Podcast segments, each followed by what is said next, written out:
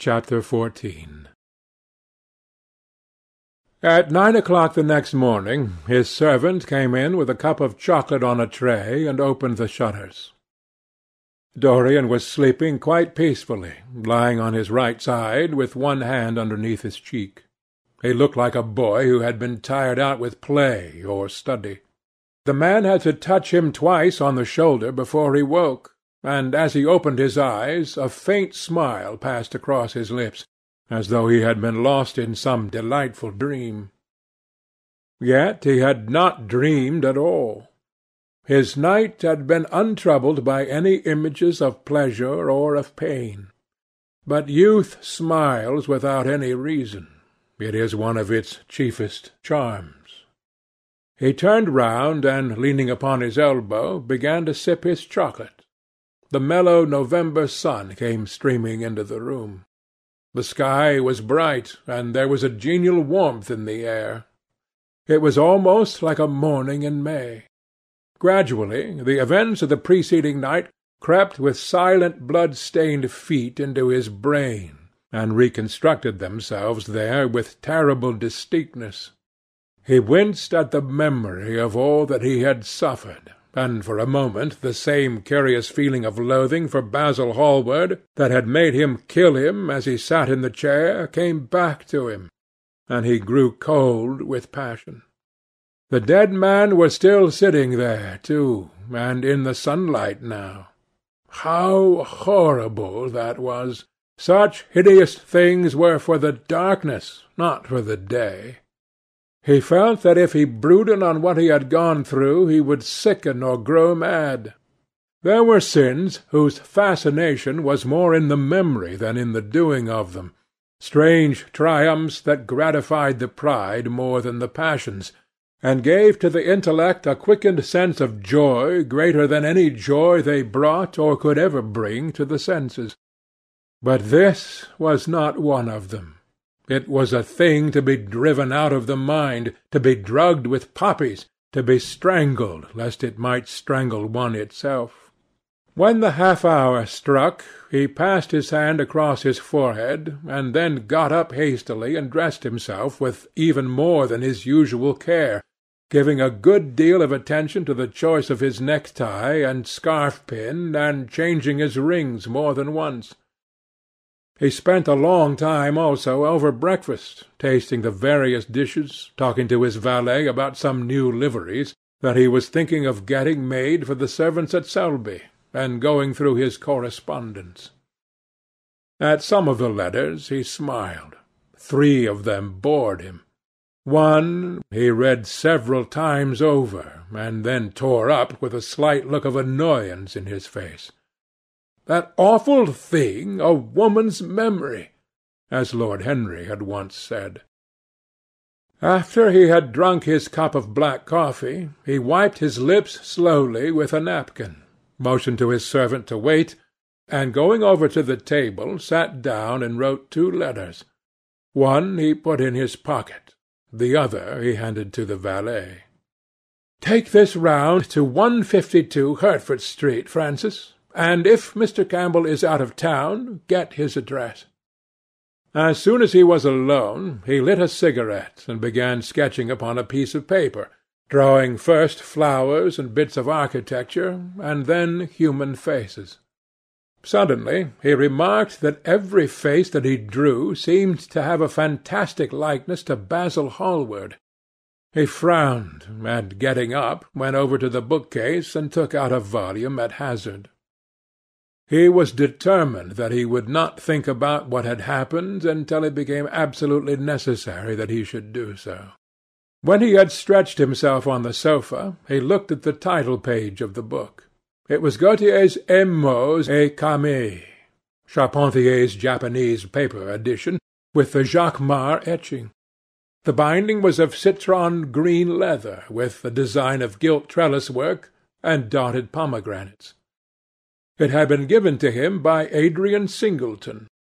As he turned over the pages, his eye fell on the poem about the hand of Lacenaire, the cold yellow hand du supplice sans corps mal lavé, with its downy red hairs and its doigts de faune. He glanced at his own white taper fingers, shuddering slightly in spite of himself, and passed on till he came to those lovely stanzas upon Venice. Sur une gamme chromatique le sein de Paris ruisselant, la venue de l'Adriatique, sort de l'eau son corps rose et blanc. Le dôme, sur l'azur des ondes, suivant la phrase au pur contour, s'enflant comme des gorges rondes que soulève un soupir d'amour. L'esquif à bord et me jetant son amarre au pilier devant une façade rose, sur le marbre d'un escalier. How exquisite they were! As one read them, one seemed to be floating down the green waterways of the pink and pearl city, seated in a black gondola with silver prow and trailing curtains. The mere lines looked to him like those straight lines of turquoise blue that follow one as one pushes out to the Lido.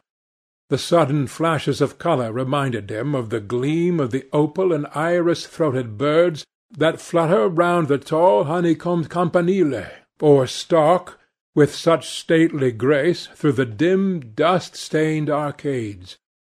Leaning back with half-closed eyes, he kept saying over and over to himself, Devant une façade rose, sur le marbre d'un escalier. The whole of Venice was in those two lines. He remembered the autumn that he had passed there, and a wonderful love that had stirred him to mad, delightful follies.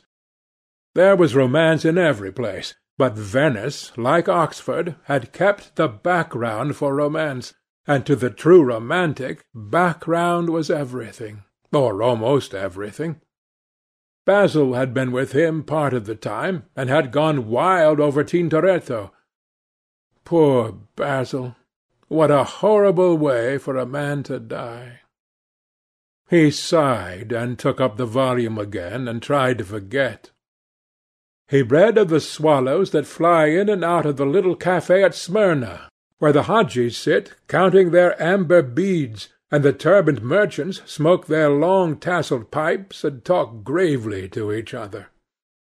He read of the obelisk in the Place de la Concorde that weeps tears of granite in its lonely sunless exile, and longs to be back by the hot lotus-covered Nile, where there are sphinxes and rose-red ibises, and white vultures with gilded claws, and crocodiles with small beryl eyes that crawl over the green steaming mud. He began to brood over those verses which, drawing music from kiss-stained marble, tell of that curious statue that Gautier compares to a contralto voice, the monstre charmant that couches in the porphyry room of the Louvre. But after a time the book fell from his hand, he grew nervous, and a horrible fit of terror came over him. What if Alan Campbell should be out of England? Days would elapse before he could come back. Perhaps he might refuse to come. What could he do then? Every moment was of vital importance. They had been great friends once, five years before, almost inseparable indeed. Then the intimacy had come suddenly to an end. When they met in society now, it was only Dorian Gray who smiled. Alan Campbell never did. He was an extremely clever young man, though he had no real appreciation of the visible arts, and whatever little sense of beauty of poetry he possessed he had gained entirely from Dorian. His dominant intellectual passion was for science. At Cambridge he had spent a great deal of his time working in the laboratory, and had taken a good class in the natural science tripos of his year. Indeed, he was still devoted to the study of chemistry, and had a laboratory of his own, in which he used to shut himself up all day long, greatly to the annoyance of his mother, who had set her heart on his standing for Parliament, and had a vague idea that a chemist was a person who made up prescriptions.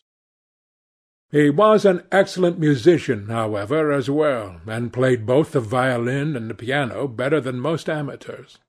In fact, it was music that had first brought him and Dorian Gray together, music and that indefinable attraction that Dorian seemed to be able to exercise whenever he wished, and, indeed, exercised often without being conscious of it. They had met at Lady Berkshire's the night that Rubinstein played there, and after that used to be seen together at the opera and wherever good music was going on. For eighteen months their intimacy lasted. Campbell was always either at Selby Royal or in Grosvenor Square. To him, as to many others, Dorian Gray was the type of everything that is wonderful and fascinating in life. Whether or not a quarrel had taken place between them, no one ever knew. But suddenly people remarked that they scarcely spoke when they met, and that Campbell seemed always to go away early from any party at which Dorian Gray was present. He had changed, too, was strangely melancholy at times, appeared almost to dislike hearing music, and would never himself play, giving as his excuse, when he was called upon, that he was so absorbed in science that he had no time left in which to practise. And this was certainly true. Every day he seemed to become more interested in biology, and his name appeared once or twice in some of the scientific reviews in connection with certain curious experiments. This was the man Dorian Gray was waiting for. Every second he kept glancing at the clock. As the minutes went by he became horribly agitated. At last he got up and began to pace up and down the room, looking like a beautiful caged thing. He took long stealthy strides. His hands were curiously cold. The suspense became unbearable.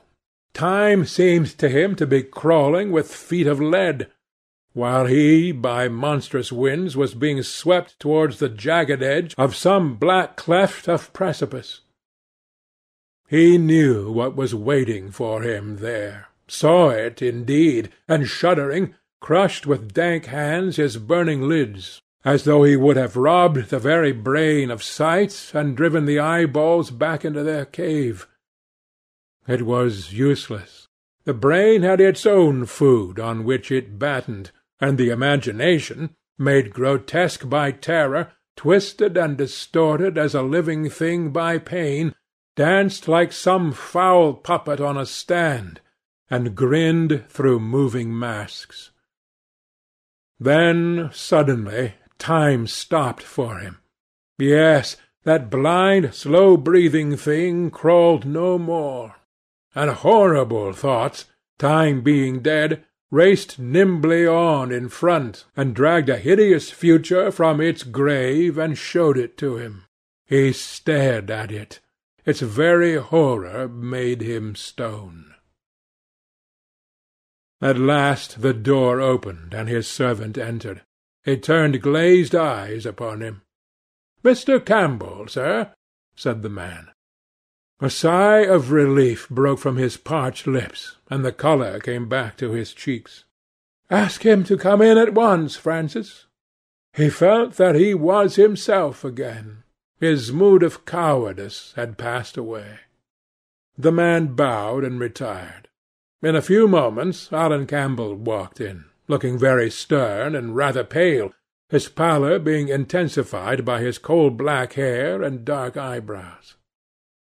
Alan, this is kind of you. I thank you for coming.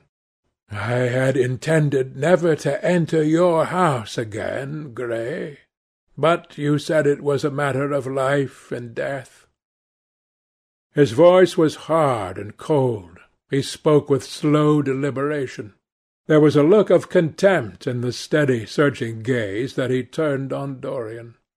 He kept his hands in the pockets of his astrakhan coat, and seemed not to have noticed the gesture with which he had been greeted.